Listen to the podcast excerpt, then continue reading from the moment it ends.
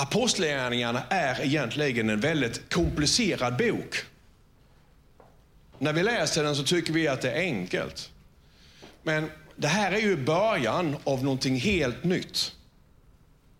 För det som har hänt här vid nu är att Gud föds in i världen. Eller hur? Ja. Så Petrus och, och alla de ledarna som Jesus pekade ut, de hade ju haft Gud på utsidan. De hade haft rösten på utsidan. De hade haft ledningen på utsidan. Eller hur? De hade, Jesus fanns där och sa detta är Guds vilja. När sen Jesus då dör och lämnar jordelivet så flyttar Gud in på insidan. Så nu är inte Jesus utanför, utan nu är Jesus innanför. Nu är inte rösten utanför, utan nu är rösten innanför. Och nu liksom är det deras uppgift att fundera ut vad Guds röst i dem säger. Och det är inte så lätt. Många gånger när vi talar om det här inom frikyrkan och, och, så här så säger vi att men Gud har sagt och Gud har sagt och höra Guds röst. Men du vet att nu när, när Jesus flyttade in på insidan så var det ju inte bara en röst som, som där. Har du varit med om det också? Alltså, Gud bor ju i dig och mig. Men det är inte bara han som talar, utan det är min egen åsikt som talar. Mina egna känslor, mina grannar, mina föräldrar, vad andra tycker, min erfarenhet, traditionen, religionen. Alltså, så, så när jag söker Guds röst i mitt inre, så är, det, så är det mycket tankar som kommer upp. För Gud han är ju tankarna. Och, och här på något sätt nu så, så är det apostlarnas uppgift när de startade den första församlingen att omsätta det som Jesus, han kunde inte ge fulla undervisningen för det var en hemlighet till dess att han hade blivit korsfäst. Eller hur? Och nu uppenbaras det från himlen genom den helige ande i dem. Och därför så är inte det kristna livet heller alltid så lätt. Därför att vi vill ju alla på något sätt, vi vet ju att om Guds vilja sker i våra liv, då blir det bäst. Men, men ja, sen tänker man och tror man och sen så tycker någon så och någon annan tycker det. Va? Och allt som du och jag vi gör, det sker ju i ett sammanhang. Allt som vi är, är ju relation till andra människor. Och här vid nu liksom, när vi då flyttar in i apostlagärningarna första tiden, så dessa här människorna, de finns ju i det här sammanhanget. Det kommer ju en explosion här vid kapitel 2. 3000 människor blev frälsta. 5000 människor blev frälsta. De hade aldrig sett en församling förut, de hade sett en kyrka och nu ska de lösa detta här. Mm. Alltså när den lame mannen vid sköna porten blir helad. Alla kände honom, han hade suttit där vid liksom år ut och år in. Alla visste att han var född lam. Helt plötsligt så börjar han gå. Och, och de får hela Jerusalem på fötter, de sätts i fängelse. Och sen till slut så fördrivs de från Jerusalem. Och det är nu som, som Petrus han kommer till den stad som ligger söder om Tel Aviv idag, till Jaffa. Här vi då, så, så är det två olika saker som förbereds samtidigt. Eh, därför att när du och jag är här idag, så, så är det så att Gud han har en plan med ditt liv. Alltså du och jag är på väg någonstans. Och när du och jag är på väg någonstans, så andra människor är också på väg någonstans. Hm. Och du vet inte, när du är på väg någonstans är det möjligt att en annan människa är på väg till samma ställe. Alltså Gud, han har förutsett vart du är på väg. Och samtidigt så har han sett till så att en annan, väg, en annan människa är också på väg till samma punkt. Ni vet inte om varandra. Men en dag, en timme, en minut, då möts ni. Och när ni möts så gör Gud någonting genom er båda tillsammans. Visst är det fantastiskt? Här är ju Petrus då, fiskaren. Hans pappa var fiskare, hans farfar var fiskare, hans farfars far var fiskare, hans farfars far. Allt de gjorde, de luktade fisk, De talade fisk. Hade man tagit ett bett på Petrus så tror jag han hade smakat fisk. Alltså de, de var fisk allihopa. Och sen har vi en italienare. Du vet, pappa jag vill ha en italienare. Att alltså, de är speciella italienarna. Det är ju spaghetti western, det är ju, kommer ju från Italien. Men i alla fall, här har du då en italienare som är befäl och han är militär. Alltså han, och Cornelius, eller han heter Cornelius då va. Alltså Cornelius, italienaren, har ju ingenting med Petrus, fiskaren, att göra. Kommer från olika kulturer, kommer från olika länder, tänker helt olika.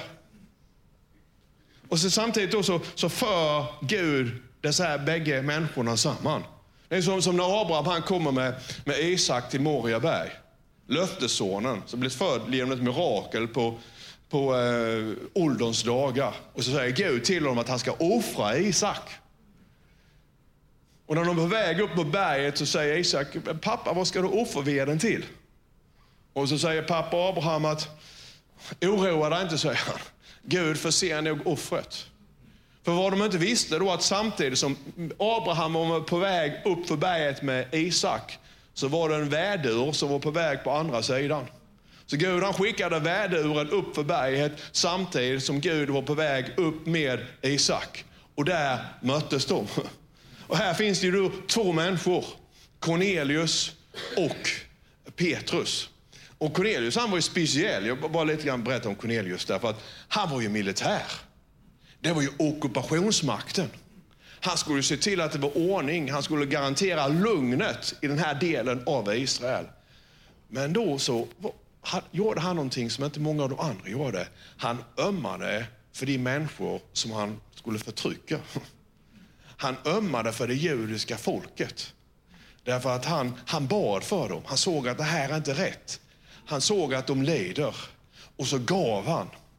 Han såg dessa här fattiga människorna. Och Gud, han ser när vi är generösa. Kom igen nu, slå till din granne. Säg till honom, Gud ser när vi är generösa. Och nu, nu säger ni, pratar, jag har pratat om pengar nu. Alltså Gud han ser när du och jag vill ge ett leende.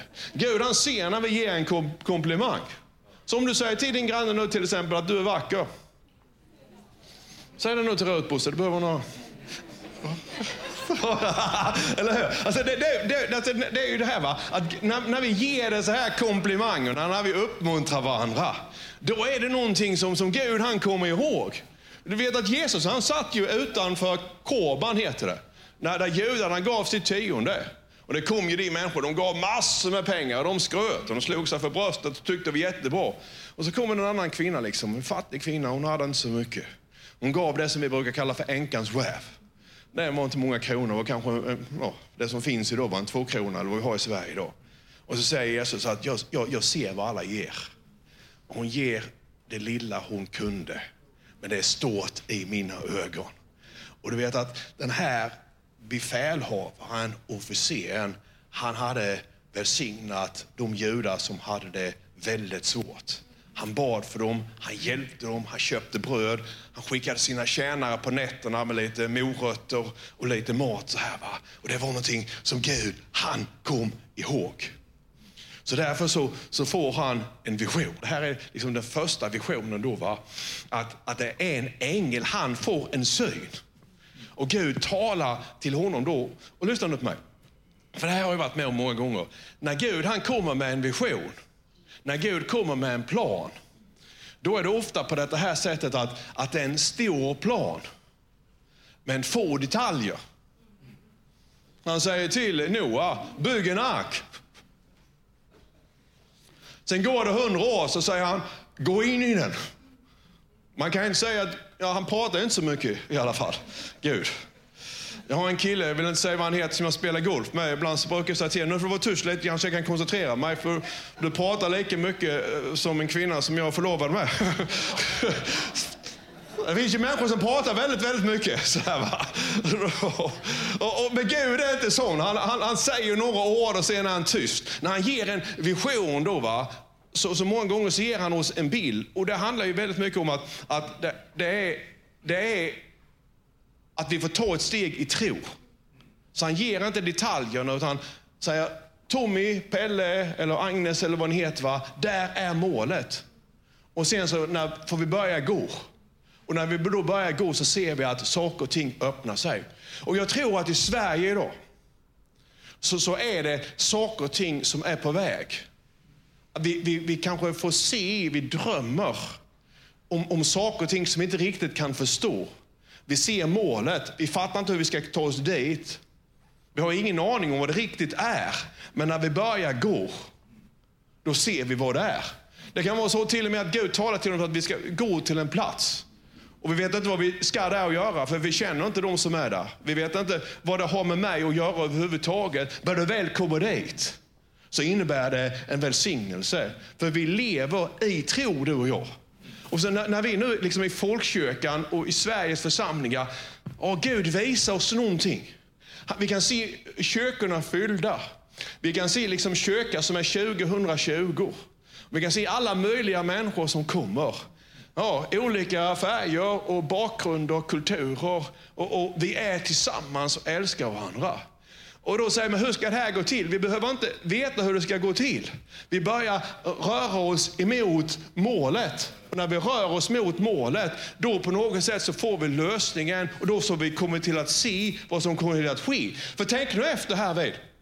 Alltså, Cornelius då, han var italienare, han var militär och så kommer det en ängel och säger till honom att du ska sända bud efter en man som heter Petrus. Han visste ju inte vilken Petrus var. Har du tänkt på det? Så han håller till i Jaffa hos en viss Simon Garvare. Och Cornelius visste knappt var Jaffa låg. Han visste ännu mindre om vilken Simon Garvaren var. Och Gud, han visste där, dessutom inte heller varför han skulle hämta Petrus. Utan han får bara en vision och visionen säger hämta Petrus. Tänk nu efter lite grann. Det är inte bara det att han hämtar Petrus, utan han bjuder in alla sina grannar. Han bjuder in alla sina släktingar. Skulle du göra det? Gud säger till dig att det kommer en man till dig om en vecka.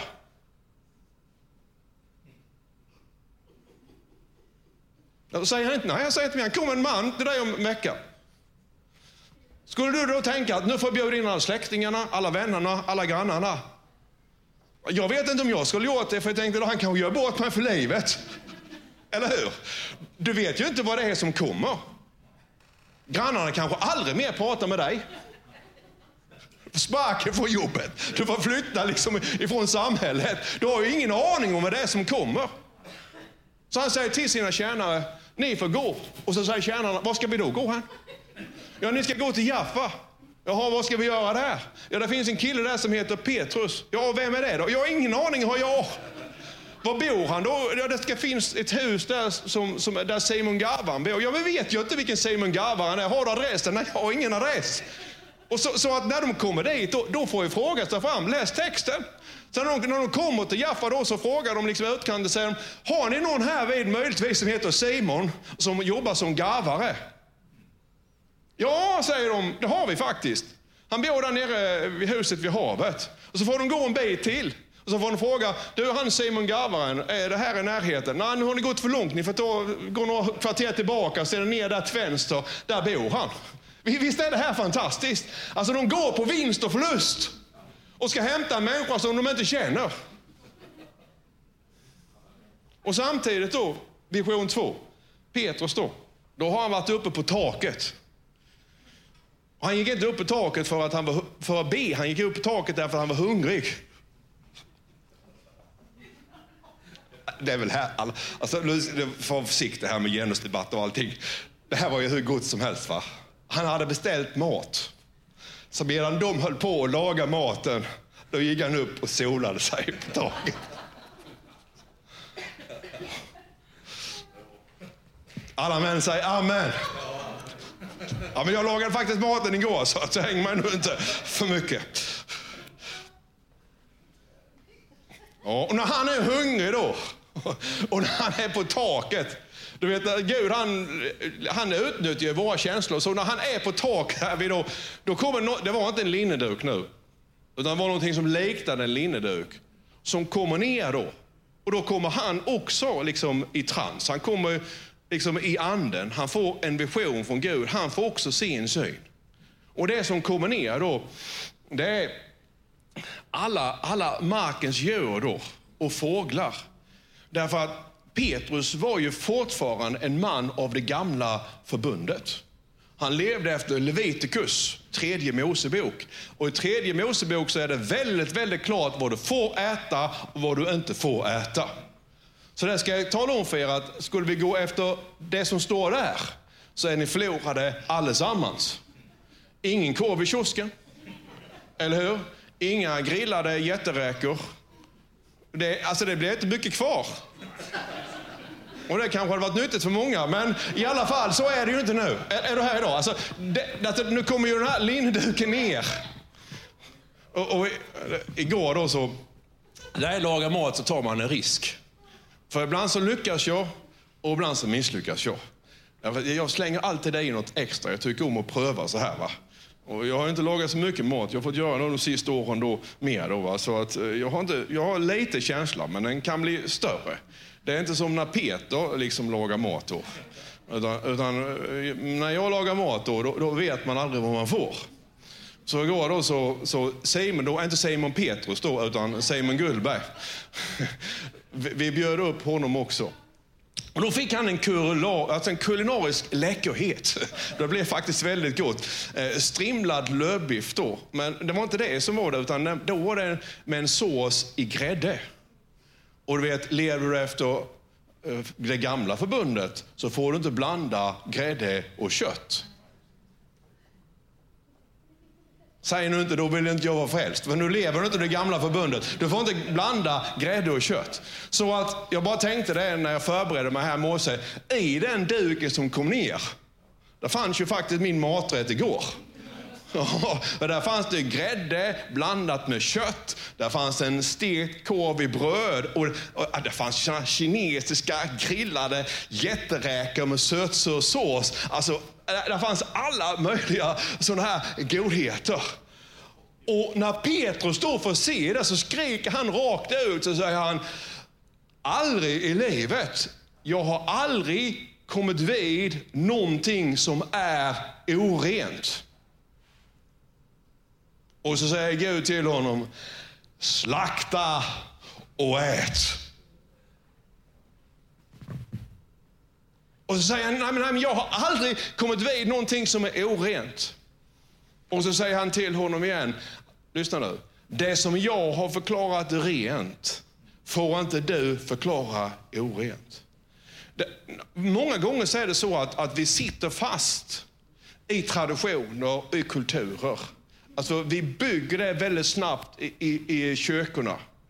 Och, och, det var ju likadant här. Han hade varit med, Jesus, Jesus höll ju lagen, men det var ju så han, han predikade evangelium för den samariska kvinnan. Alltså kvinnan, och sen hade hon liksom, som hade en dotter som var sjuk. Som kom och sa att, att hundarna äter smularna från herrarnas bord. Hon var från eh, Libanon.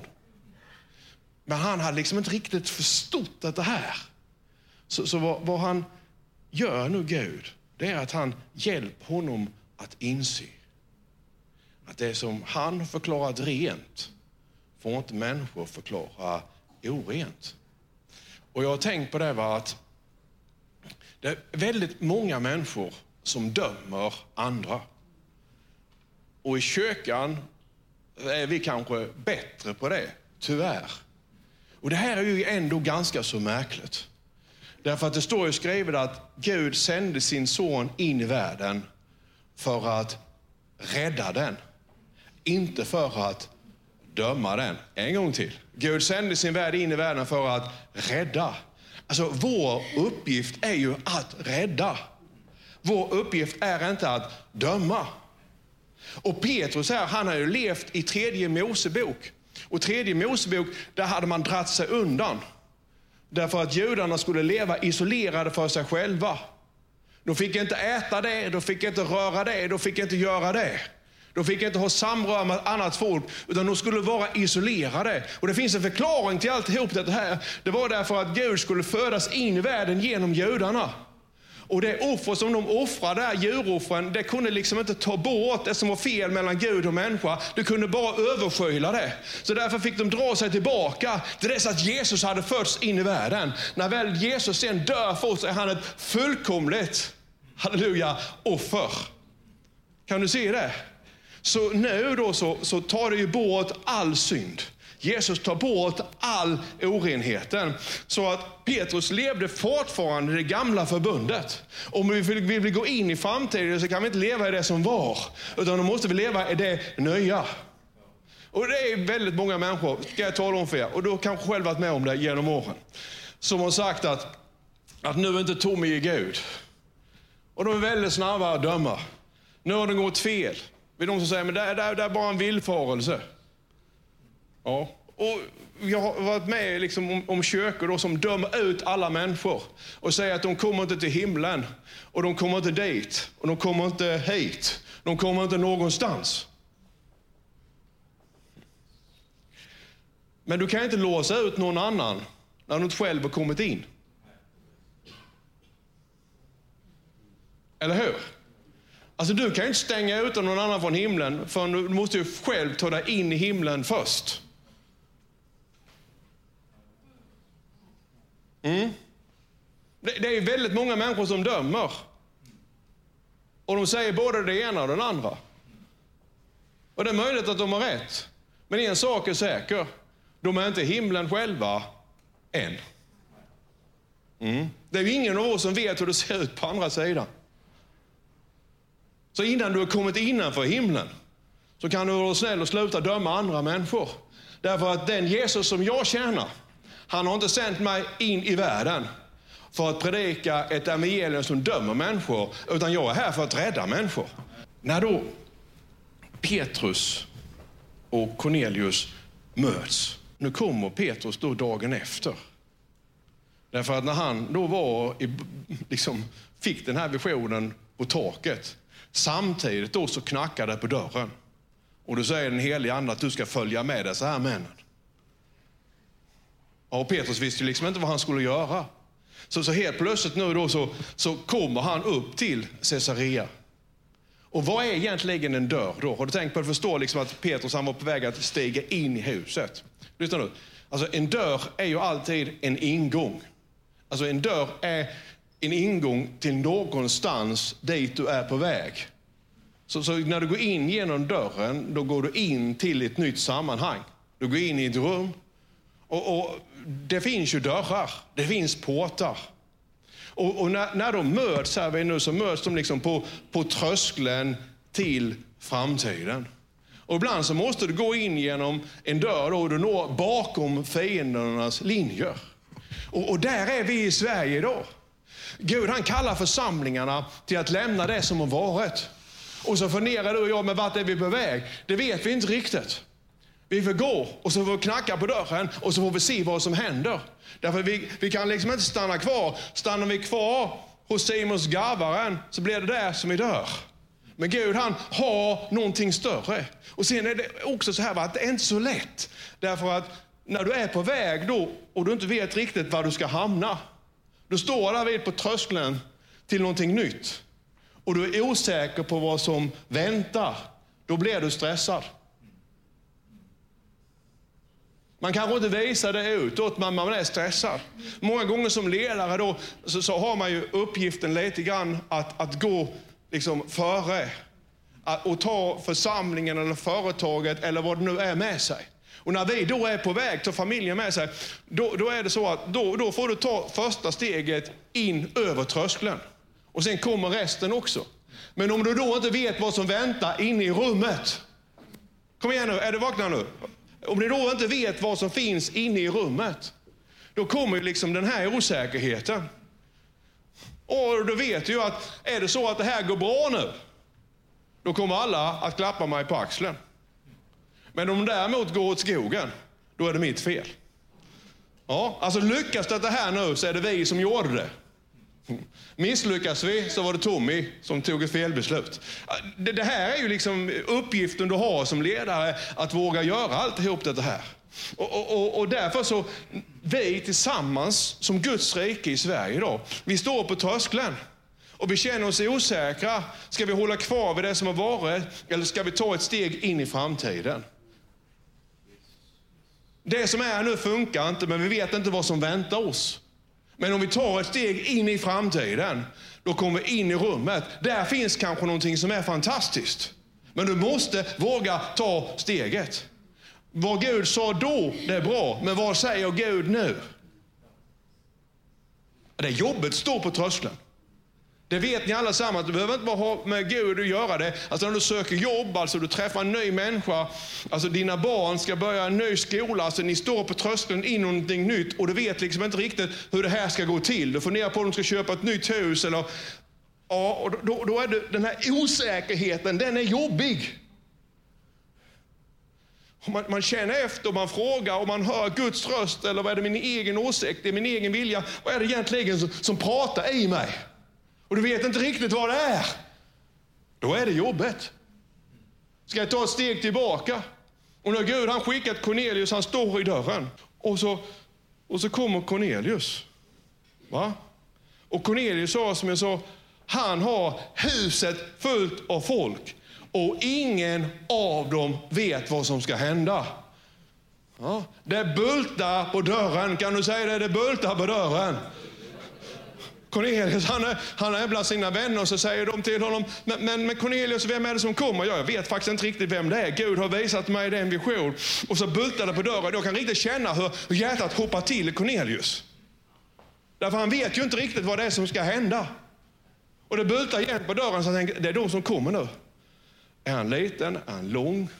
Alltså, hur ser han ut? Hur talar han? Vad vill han? Det enda han vet är att han fått en vision från Gud. Och Petrus, det är klart att Petrus hade fjärilar i magen. Hade du med haft, eller hur? Ja. Står där vid och, och knackar på dörren och vet inte vad som finns innanför dörren. För du vet att en dörr kan se ut hur som helst. Kom igen nu, dörren kan vara liten, den kan vara lång, den kan vara smal, den kan vara överviktig. Den kan vara från Italien, den kan vara från Afrika, den kan vara från kommunen, det kan vara så mycket som är dörren. Men dörren, lyssna på mig, dörren säger ingenting om hur rummet innanför ser ut. Oh, jag säger en grej. Dörren säger ingenting om rummet innanför. Dörren kan vara sliten, den kan vara gammal.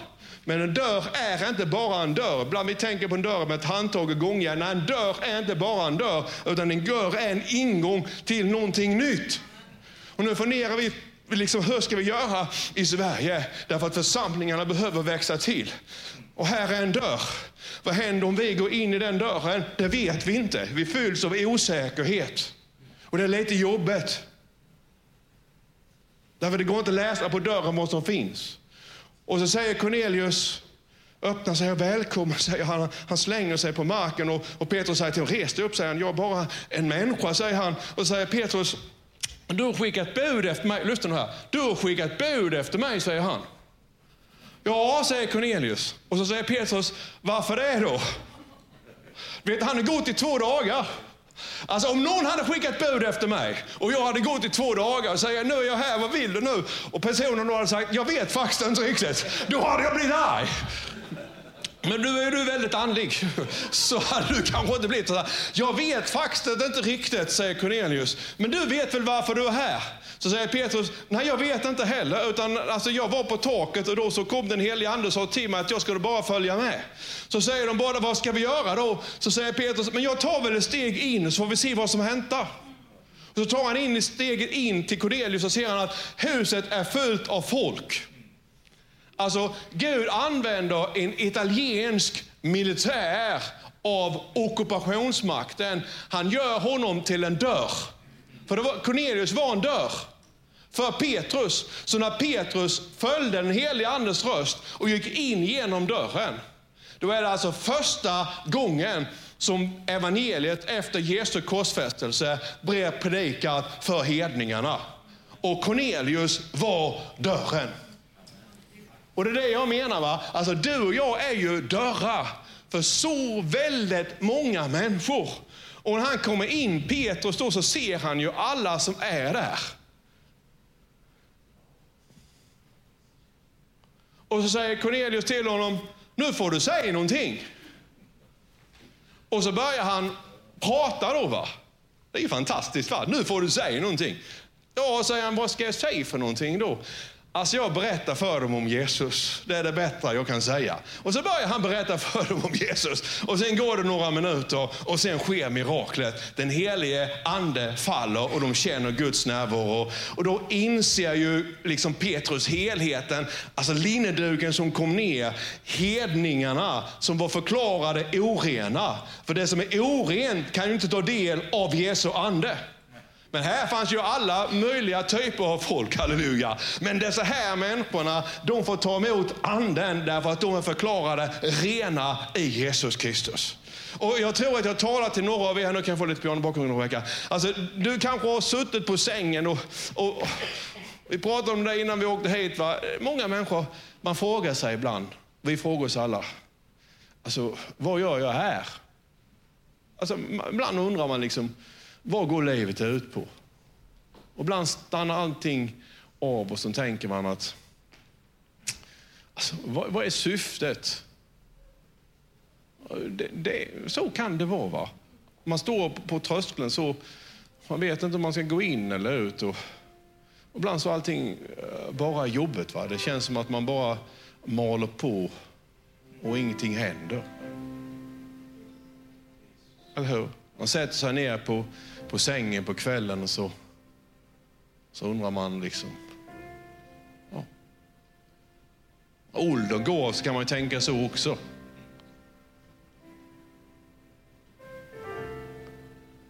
Jag fyller 59 här vid nu till sommaren eller till hösten.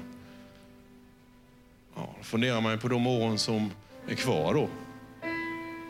Vad man ska göra då. Man kan tänka mig att är man 75 eller 80 så kommer de tankarna. Mer då, kanske. Hur många år har jag kvar? När man är 15 så tänker man inte så. När jag var 10 år, då var ju sommarlovet som en evighet. Alltså, det, tiden tog ju aldrig slut. Och nu så är det faktiskt på det sättet. Jag tror så här att jag tror att vi på ett sätt varit, haft fel perspektiv. Därför att vi har ofta tänkt liksom, vilken dag ska jag gå in i Gud? Liksom, vad är min uppgift? Och vad, vad, vilken gåva ska jag ha? Och jag och jag och jag och jag och jag och jag och jag och jag och jag. Istället för kanske det är så enkelt att vi alla är dörrar för andra människor. Här är jag.